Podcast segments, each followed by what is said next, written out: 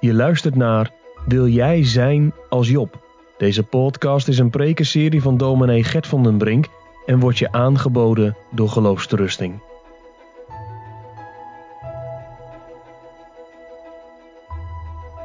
Wij openen het woord van God en wij gaan een gedeelte lezen uit Job hoofdstuk 19. Hoofdstuk 19. Als ik het goed heb is dit uh, de elfde preek die we zullen aanhoren uit het Bijbelboek Job in deze serie. En u begrijpt dat ik natuurlijk niet alle hoofdstukken, alle gedeelten uit, even uitvoerig kan bespreken. En om eerlijk te zijn, de uh, hoofdstukken waar de vrienden aan het woord zijn, zoals hoofdstuk 18 van Bildad, ja, die toon is ook altijd niet zo heel sympathiek. En hoe verder je komt, hoe harder en hoe gevoellozer ze zich uiten richting Job. Maar te midden van alles wat er gebeurt, gaat dat denkproces, gaat dat geloofsproces bij Job zelf door. Hij is niet alleen in gesprek met zijn vrienden, hij is ook in gesprek met God.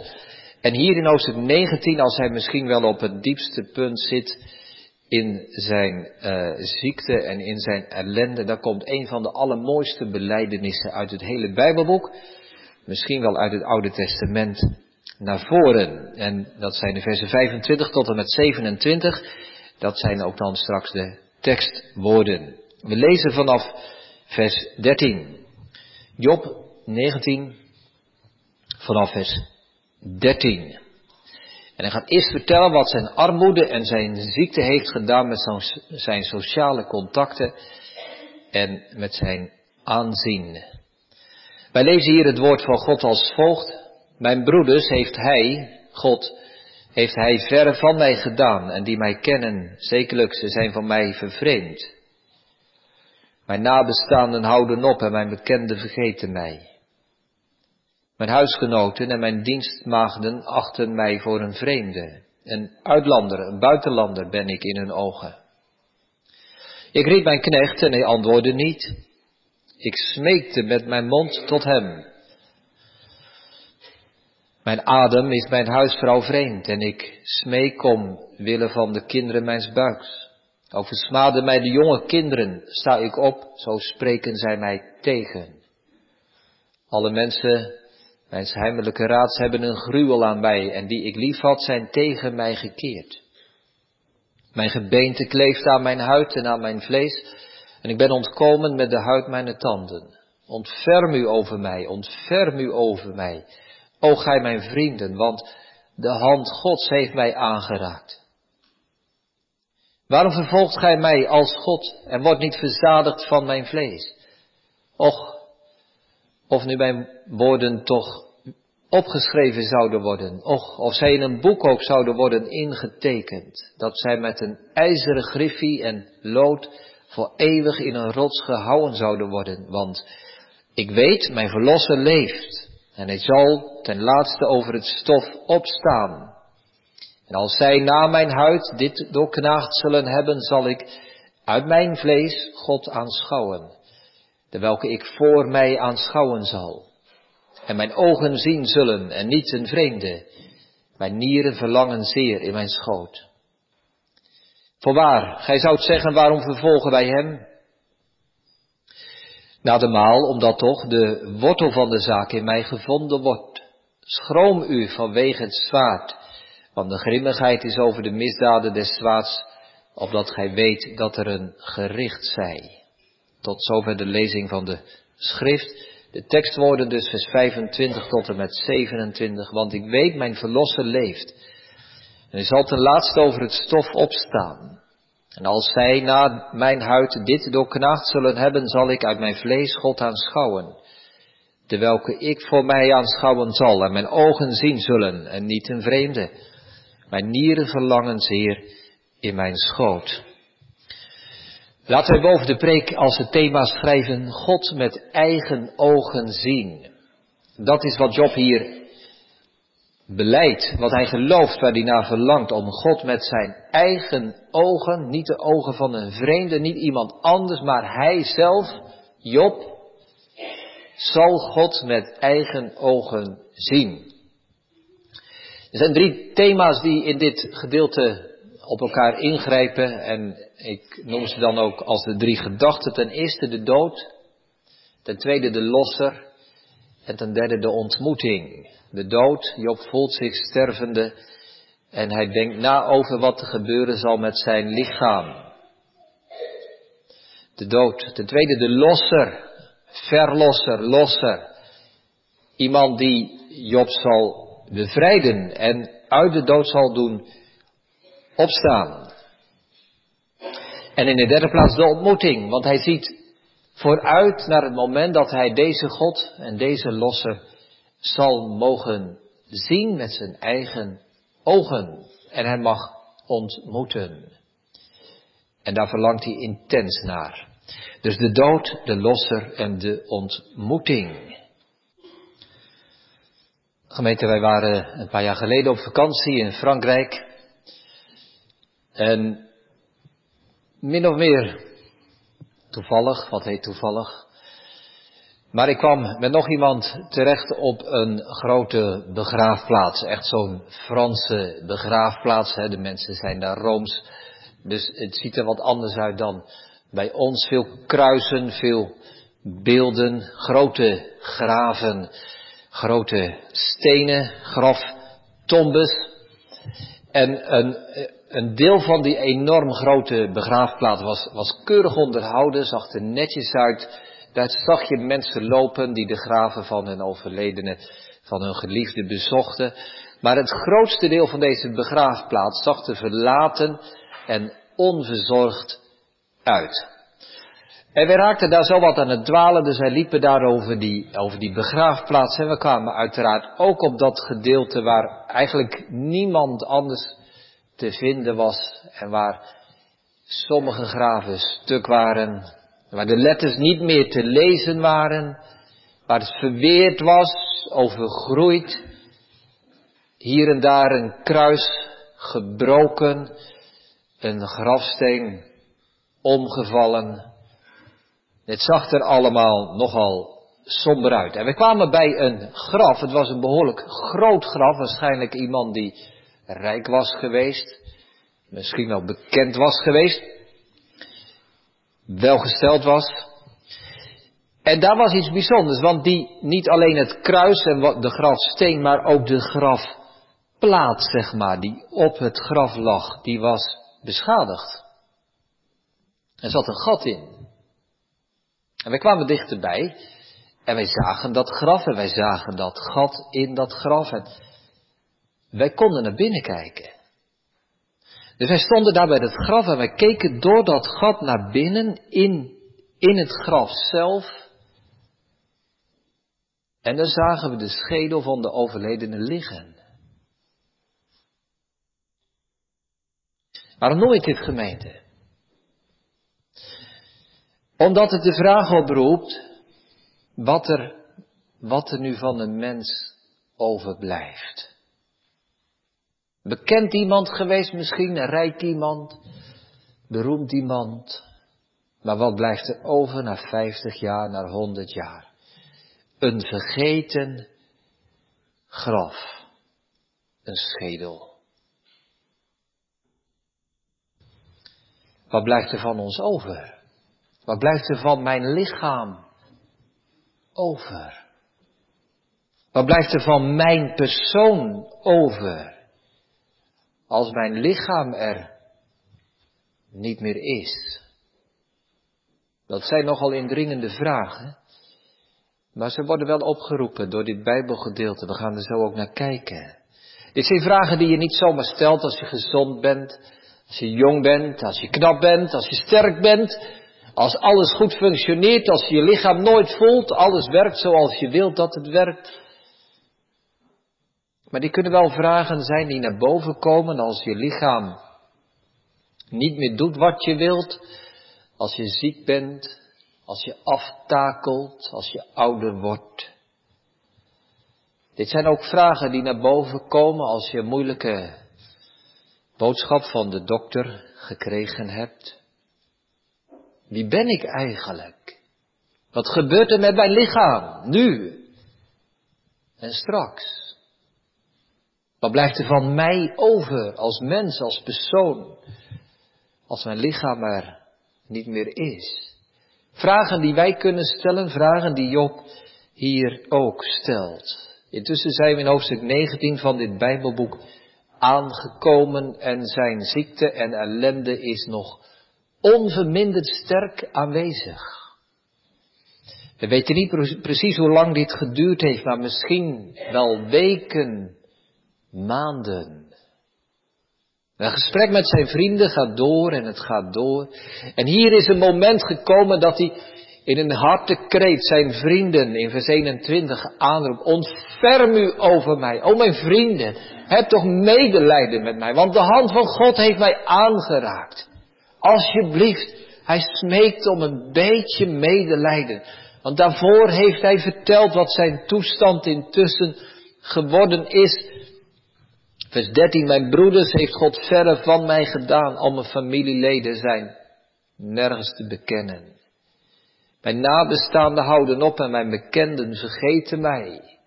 Kennissen en vrienden, ik heb ze niet meer. Mijn huisgenoten en mijn dienstmaagden, dus mijn personeel van vroeger. Ik had knechten, ik had dienstmaagden. Ik hoefde maar te zeggen wat ze moesten doen en ze deden het onmiddellijk.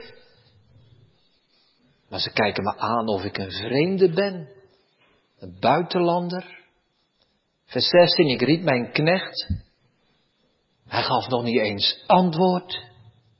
Ik moest hem smeken met de mond. En dan zijn vrouw en zijn kinderen in vers 17. Mijn adem is mijn huisvrouw vreemd. En ik smeek omwille van de kinderen van mijn buik. Ik ben mijn vrouw kwijt. Ik ben mijn kinderen kwijt. Vroeger kon ik over straat lopen en was ik er gezien en een bekend persoon. En alle kinderen zelfs in de straten wisten het, dat is Job. Die man moet je met respect bejegenen.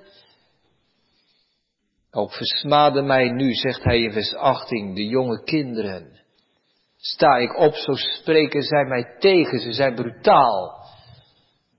Wat een verschil met vroeger. Ik ben niet alleen mijn rijkdom kwijt, ik ben niet alleen mijn vrouw kwijt, ik ben niet mijn kinderen kwijt, ik ben ook mijn aanzien en mijn sociale status kwijt. Ik ben mijn gezondheid kwijt, vers 20. Mijn gebeente kleeft aan mijn huid. Wij zouden zeggen vel over been. En aan mijn vlees en ik ben ontkomen met de huid mijn tanden. Job weet hier gemeente dat er weinig van zijn lichaam overgebleven is. Hij zit daar op de, op de ashoop, ziek, uitgeput, vermoeid, leeg, afgemat. En Job denkt nog even, en ik zal sterven. Wij weten dat dat niet gebeuren zal, maar die is wel de gedachte die Job vervult, nog even. Nog even. En ik zal sterven. Het einde kan niet ver meer zijn.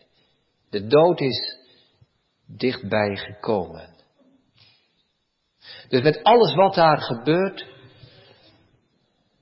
toch gaan ze gedachten door, gemeente. En waar denkt Job aan? Hij denkt aan de dood. Aan de dood. We hebben dat vaker gezien. Eerder in hoofdstuk 3 hebben we gezien dat hij ook aan de dood dacht. Maar toch is er wel verschil tussen hoofdstuk 3 en hoofdstuk 19. Als je hoofdstuk 3 leest, dan lees je een man die zoekt naar rust voor zijn ziel. Als je hoofdstuk 19 leest, zoek je iemand die nadenkt over zijn lichaam. Ja, dus hoofdstuk 3 gaat over iemand die zegt, het is zo onrustig, ik ben gepijnigd en gekweld in mijn ziel. Ik verlang naar de rust van het graf en naar de stilte van de dood. Dan eindelijk heb ik rust. Hier in hoofdstuk 19 denkt hij na wat de gevolgen van de dood zullen zijn voor zijn lichaam. En Job gaat wel heel ver gemeend als hij daarover nadenkt, als hij daarover doordenkt. Wat gaat er met mijn lichaam gebeuren? Maar ik kan hem ook wel begrijpen. Want zijn situatie is ook radicaal anders. Zo anders dan het gewone leventje. En dan zegt hij, zonder dat hij zich inhoudt, zonder dat hij zijn gedachten stopzet, maar dan zegt hij daarin, vers 26, als zij na mijn huid, wie zijn die zij? Als zij na mijn huid dit doorknaagd zullen hebben. Ja, die zij, dat zijn de wormen. Dus Job denkt erover na dat hij sterven zal. En dat de wormen aan zijn huid zullen knagen. En daar zullen ze niet stoppen, zegt hij. Na mijn huid zullen ze dit, hij wijst op zijn lichaam. Dit zullen ze doorknagen. Alles zullen ze verteren, opeten, afbreken en doen vergaan.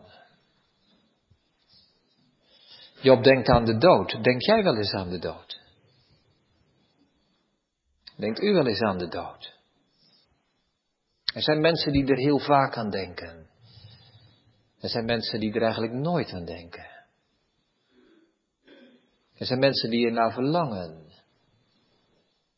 Er zijn mensen die ervoor huiveren. Denk jij wel eens aan de dood? Ik denk dat de meeste van ons gemeenten die gedachte aan de dood op afstand houden. En misschien soms is er zo'n moment, dan moet je die gedachte wel toelaten. En moet je wel erkennen dat je sterfelijk bent en sterven gaat, maar liever niet mee bezig zijn, liever niet over nadenken. Maar een moment als dit, als de preek erover gaat, ja, dan, dan, dan moet je eigenlijk wel, hè, om, om daar eens over na te Maar dan nog kun je proberen je af te sluiten, omdat je denkt, ik wil er niet eens over nadenken. Nou, misschien kan ik dan ook wel zo zeggen, als je dan niet graag nadenkt over de dood, denk dan na over je lichaam. Dat doet Job hier ook. Hij denkt na over zijn lichaam. Wie ben ik eigenlijk?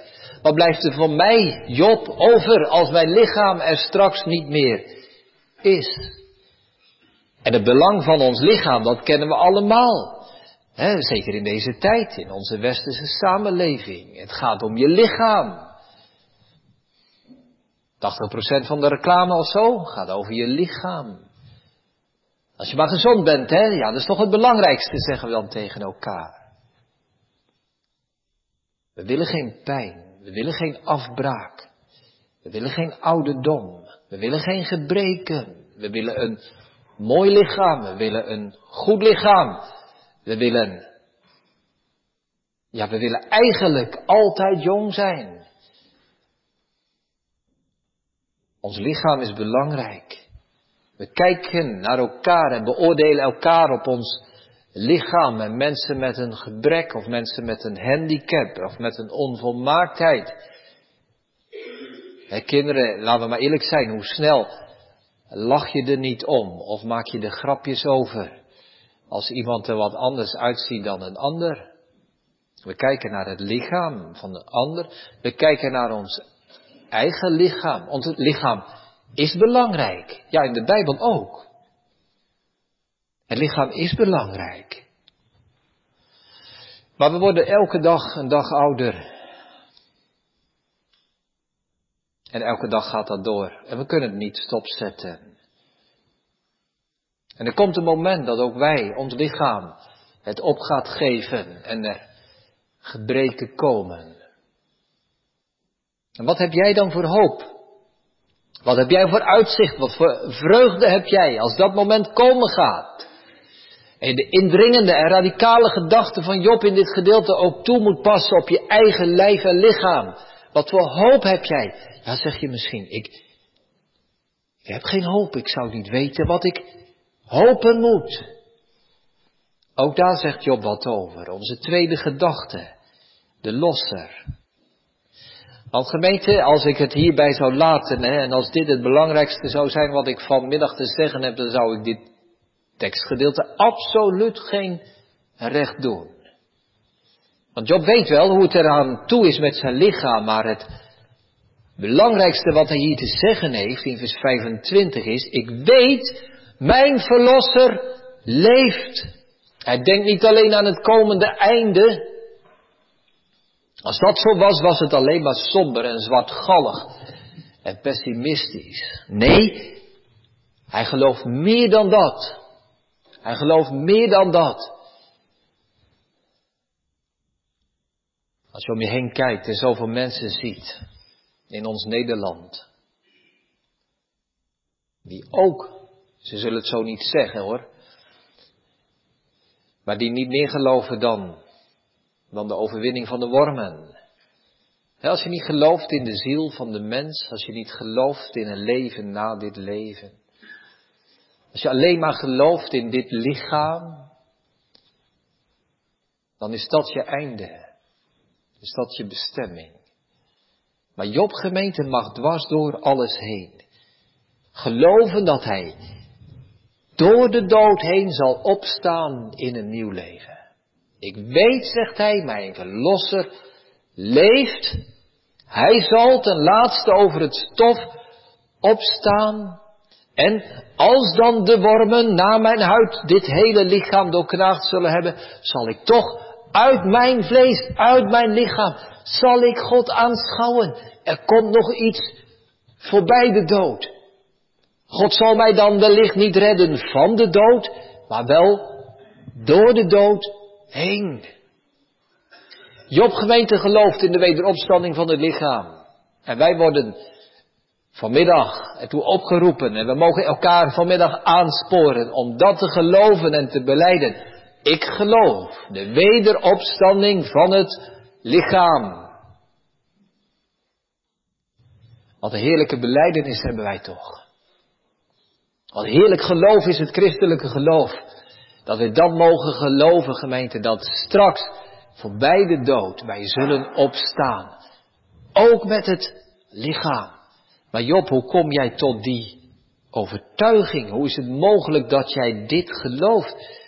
Nou, Job zegt, ik weet mijn verlosser leeft. En eigenlijk, gemeente, moeten wij, mogen wij dat zo lezen, ik weet mijn losser leeft. In het Hebreeuws staat daar het woord goel, goil, een losser. Wat is een losser, kinderen? Wat is een losser? Een losser was een familielid van jou die jou helpen kwam. Als jij geen geld meer had, als je arm geworden was, of als je in andere situaties zat waar je jezelf niet meer redden kon, dan had je een familielid, een losser, en die kan jou helpen. Hoe deed hij dat? Nou, een losser ging in de plaats van een ander staan. Een heel mooi Bijbels voorbeeld is Boas. Rut was getrouwd geweest. Maar kinderen, jullie weten dat de man van Rut gestorven was. Er zat niemand die voor haar zorgde. Er zat niemand die, die, die helpen kon. Er zat geen kinderen, hoe moest het nou? Nou, toen was er een losser, toen was het Boas. En Boas zei, Rut, ik kom staan in de plaats van jouw man die gestorven is. Ik neem zijn plaats in. Ik wil in zijn plaats nu met jou gaan trouwen. En als er dan kinderen komen, dan, hè, dan zijn die kinderen, dat zijn jouw kinderen en eigenlijk ook de kinderen van jouw man die gestorven is. Ik ben een losse. Ik ga de plaats innemen van mijn familielid. En zo ging hij naar de poort en zo nam hij die plaats in van die man die gestorven was. En zo, zo kon Rut toch weer leven, kon ze kinderen krijgen, had ze toekomst. Nou, dat is een losse. Een losse kon ook voor jou betalen. Als je zelf helemaal arm was en niets had, dan zei hij, ik betaal de losprijs. Ik betaal het voor jou. Nou, als er iemand was, gemeente, die een losse nodig had, dan was het Job wel. Want die man, die arme man had niets meer. We hebben net gelezen. Hij had helemaal niets meer. Al zijn rijkdom, alles was weg. Wie kon hem helpen? Hij heeft een losser nodig. Ja, maar Job, heb jij een losser? Heb jij een familielid die in jouw plaats wil staan? Eigenlijk niet. Eigenlijk niet. Vers 13, mijn broeders heeft hij verre van mij gedaan. Vers 14, mijn nabestaanden houden op. Heeft hij een familielid die in zijn plaats zou willen staan? En bovendien, als hij zo'n familielid had, wie zou er nu willen ruilen met Job? Toch niemand. Maar gemeente Job mag beleiden, mijn losser leeft. Ik heb een losser. God zelf zal mijn losser zijn. God zelf wil mijn plaats innemen. God zelf wil voor mij betalen. God zelf wil mij verlossen en bevrijden. Ik heb een losser die mijn plaats inneemt en voor mij door de dood heen, mij daar doorheen draagt naar het eeuwige leven. Mijn losser, God zelf. O Heer die mij verblijdt, zegt Psalm 19. Mijn rots en losser zijt. God is zijn losser. En daar gemeente zien wij het beeld, zien wij het beeld van onze Heer Jezus Christus voor ons. Wij mogen dat nog veel scherper zien dan Job dat ooit heeft kunnen zien. Maar wij zien in de Heer Jezus hoe God losser geworden is, ons familielid geworden is, mens geworden is, onze broeder geworden is, zodat Hij in onze plaats kan staan, onze plaats in kan nemen.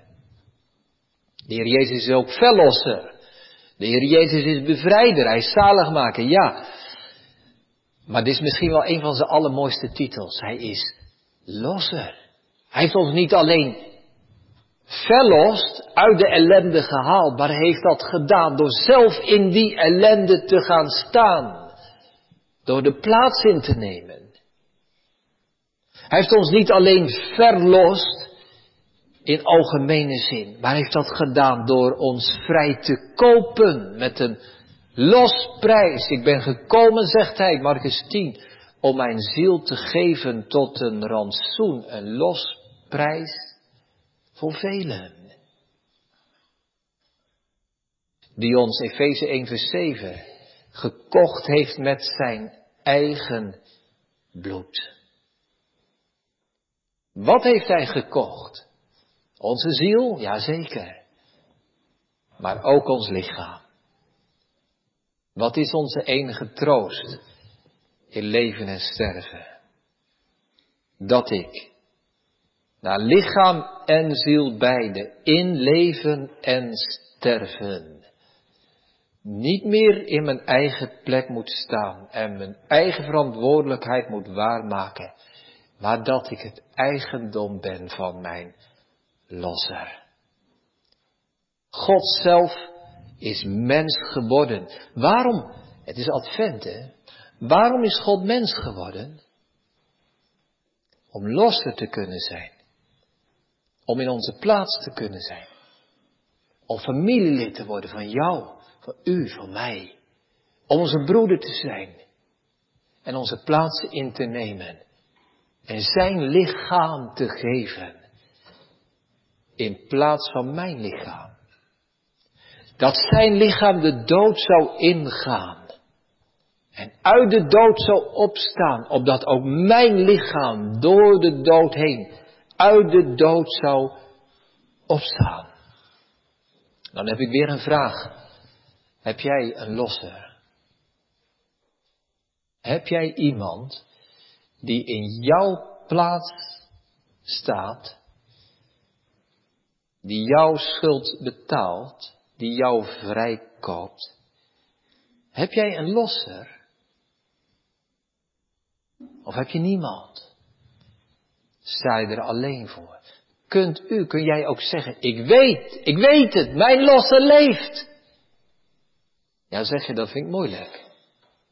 Dat durf ik niet zomaar te zeggen. Wanneer mag je dat zeggen? Hoe weet je dat? Nou, het ligt in dat woordje mijn, hè? Mijn losser. Dat is geloof. Geloven gemeente is het woordje mijn gebruiken. Het woordje mijn hoort bij het geloof. Niet alleen anderen, maar ook voor mij. Mijn losse, Mag je dat zomaar zeggen, mijn losse? Ja, dat mag zomaar. Ja, dat mag. Want deze losse wordt vandaag hier gepreekt. Vandaag horen we over Jezus die mens geworden is. Vandaag mogen we weten dat Hij gekomen is. Voor wie? Voor ieder die in Hem gelooft. Voor iedereen die zegt, mijn losser. Dat is geloof. Dat is overgave. Dat is vertrouwen. Job kon niks. Helemaal niks. Hij was alles kwijt. Wij kunnen ook niet. Wij zijn alles kwijt. Maar wij hebben een losser. En het geloof zegt, mijn losser. Nu kan het maar zo zijn, gemeente, dat we dit wel horen, maar die gedachten voor ons uitduwen en denken dat komt later wel. Komt later wel. Misschien. Misschien is dat zo. Ja, later als ik ziek ben, als ik oud ben, als ik het ga voelen aan mijn lichaam, ja, dan, dan zal ik eens gaan nadenken hoe dat verder moet met mijn lichaam. En dan zal ik wel vragen om een losse. Nee, zegt de Bijbel, denk aan je schepper in de dagen van je jeugd. Voordat de kwade dagen komen en de jaren waarvan je zegt, ik heb geen lust daarin. Het is net gemeente als ik, als ik een trouwgesprek voer met de jongen en meisje die het verlangen hebben om samen te gaan trouwen, dan hè, altijd mooie gesprekken. En goed om te zien hoe ze verlangen om samen het leven te gaan delen. En een van de onderwerpen die ik dan aan de orde stel, is echtscheiding. En dan zeg ik erbij, er is geen enkele aanleiding om nu op dit moment, als jullie samen willen gaan trouwen, over echtscheiding te beginnen. Nee, dat is er ook niet. Maar dat is ook het goede moment om je gedachten erover te laten gaan. Want als het moeilijk wordt, als het spannend wordt in een huwelijk en je gaat er dan over nadenken, ben je te laat. Zo is het nu ook. Wanneer moet je nadenken over een losse? Wanneer moet je nadenken over de dood? Als je gezond bent. Als het kan, als je de volle beschikking hebt over je denken. Wanneer moet je nadenken over geloof in de Heer Jezus Christus? Nu. Wanneer moet je vertrouwen? Wanneer moet je tot Hem vluchten? Nu. Want als de dood dan komt, en als het einde er is, dan mag je zeggen, ik weet het. Mijn losser leeft. We gaan naar onze derde gedachte, de ontmoeting. Want Job zegt er nog iets bij. Ten eerste denkt hij na over de dood. Ten tweede spreekt hij over een losse. En ten derde spreekt hij zijn verlangen uit naar de ontmoeting.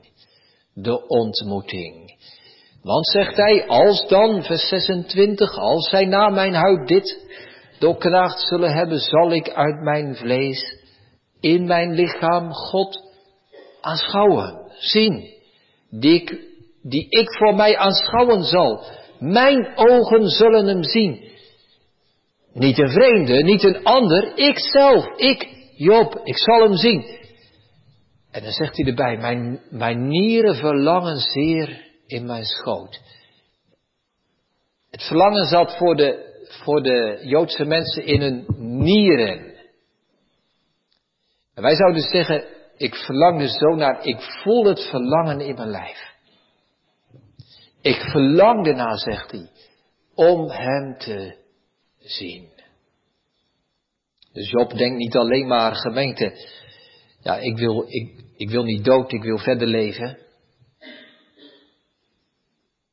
Job denkt niet, hoe kan ik mijn leven redden, rekken. Maar hij, hij weet waarom hij leven wil. Hij wil zijn losser zien. Hij wil God zien.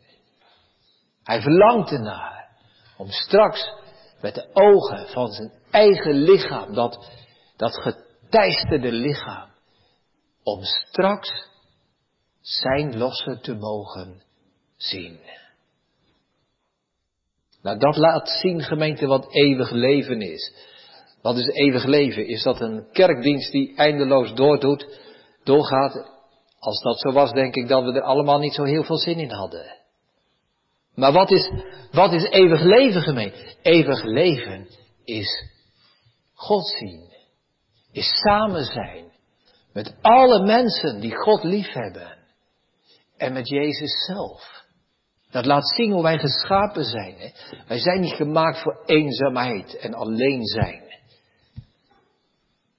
En we zien dat in mensen die verslaafd zijn. Als je verslaafd bent aan, aan internet, aan Facebook, aan porno, aan gamen. Word je daar zo gelukkig van? Nee, want je bent het maar in je eentje alleen. Echte vreugde, echt verlangen, echte blijdschap is samen zijn met andere mensen die ons dierbaar zijn. Nou gemeente, hoe kunnen we ons dat voorstellen, hè?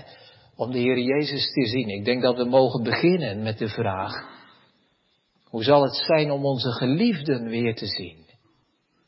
Geliefden die ons zijn voorgegaan, die gestorven zijn, die we missen. Dan kun je ernaar verlangen om je vader weer te zien, of je moeder te zien, of je kind te zien, of je kleinkind te zien. Of kinderen, misschien is jouw opa gestorven, of je oma. En soms opeens moet je er weer aan denken, hè. En soms opeens moet je er toch weer om huilen. Dat je opa nou nooit meer zal zien. Of oma. Ja, zegt de Bijbel, ja. Je mag hem weer zien, opa of oma. Er komt een moment, dan zul je hem zien. Dan mag je ze weer ontmoeten. Oh, je voelt soms het verlangen in je eigen lijf. Wat zal dat wezen? Om ze weer te mogen zien. En zo zegt Job, zo verlang ik ernaar om mijn God te zien.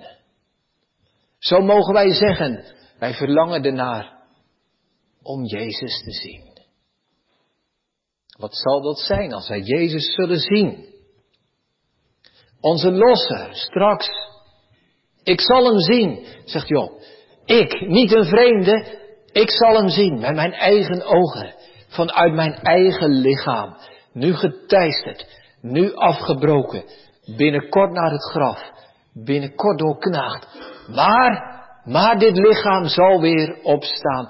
En we hebben het samen beleden met de woorden van de catechismus. Ons lichaam zal even heerlijk zijn als het lichaam van Christus nu is. en als je dan de gebrokenheid van je lichaam voelt, en als je voelt dat het achteruit gaat, moet je dan zeggen, nou ja, het gaat maar om een ziel, hè, als mijn ziel maar gered is. Nee, je mag ook verlangen naar de wederopstanding van je lichaam. En dan wordt het nu afgebroken. En dan voel je de neergang. En dan zie je soms het lichaam van geliefden die ziek zijn, die oud worden, die minder worden. En je denkt, wat heeft dat lichaam te lijden? Wat gaat het achteruit? En je gehoor wordt slechter en je ogen worden slechter. En je verliest de smaak. Het eten is niet meer zo lekker als vroeger. Je verliest het geheugen. Concentratie lukt niet meer. Je gaat nog naar de kerk, maar je komt thuis en je bent de halve preek alweer vergeten. En je bent bang om dement te worden. Je bent bang om kanker te krijgen. Of een andere erge ziekte. En je hebt last van vermoeidheid en je hebt last van bijwerkingen. Dat is het lichaam. Maar zegt de Bijbel, er komt, komt herstel. Dat lichaam, dwars door de dood heen. Onmogelijk denk je. Ja, maar toch is het mogelijk. Dwars door de dood heen zal mijn lichaam opstaan. En ik zal weer ogen hebben. En ik zal het goed en scherp mogen zien. Alles van mijn lichaam wordt hersteld. En ik zal met eigen ogen God zien. Ik zal met eigen ogen Jezus zien. Hoe zullen wij hem zien, gemeente? Hoe zullen wij de Heer Jezus zien? Zullen we hem zien als, een, als, dat, als dat kleine kindje in de kribbe? Zwak, machteloos, kwetsbaar. Zullen wij hem zien als de man van smarten? Geen gedaante of heerlijkheid dat wij hem zouden begeerd hebben? Zien wij hem als de gekruisigde, zoals hij daar hing, een mikpunt van spot en hoon? Nee, zo niet. Nee. Openbaring 4 en 5 schildert ons hem als het lam staande als geslacht. Dat betekent aan de ene kant, hij draagt de tekenen van zijn lijden tot in alle eeuwigheid met zich mee. En aan de andere kant in volle heerlijkheid en in volle volmaaktheid. Zo zullen wij hem eenmaal zien. Wij zullen zijn handen zien. We zullen zijn voeten zien. We zullen zijn zijde zien. Doorstoken. Voor ons. Omdat hij onze losser wilde zijn. Wij zullen eenmaal zijn hoofd zien. Waar de doornenkroon op geslagen was. Wij zullen zijn gezicht zien waar de soldaten in gespuugd hebben. Wij zullen hem zien. Die milde handen waarmee hij de kinderen omvat heeft en hen gezegend heeft. Wij zullen hem zien. Zijn vriendelijke ogen. Milde handen, vriendelijke ogen. Die ogen waarmee hij vanaf het kruis heeft neergezien op zijn moeder Maria heeft neergezien op de apostel Johannes, heeft neergezien op al die mensen en gezegd heeft, Vader vergeef het hen. Ook wij zullen hem mogen zien. En daarom geeft God ons straks voorbij de dood een nieuw lichaam. Herstel van het lichaam. Ons eigen lichaam. Niet een vreemde, niet een ander. Ikzelf. Ik zal hem zien. Als dat moment komen zal, gemeente, dat de doden zullen opstaan. Als Jezus wederkomt.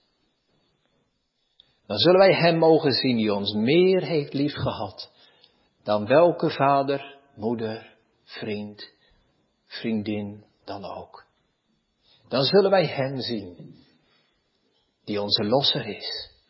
Dan zullen wij Hem zien die mens geworden is om alles te ondergaan, omdat we het zelf niet konden.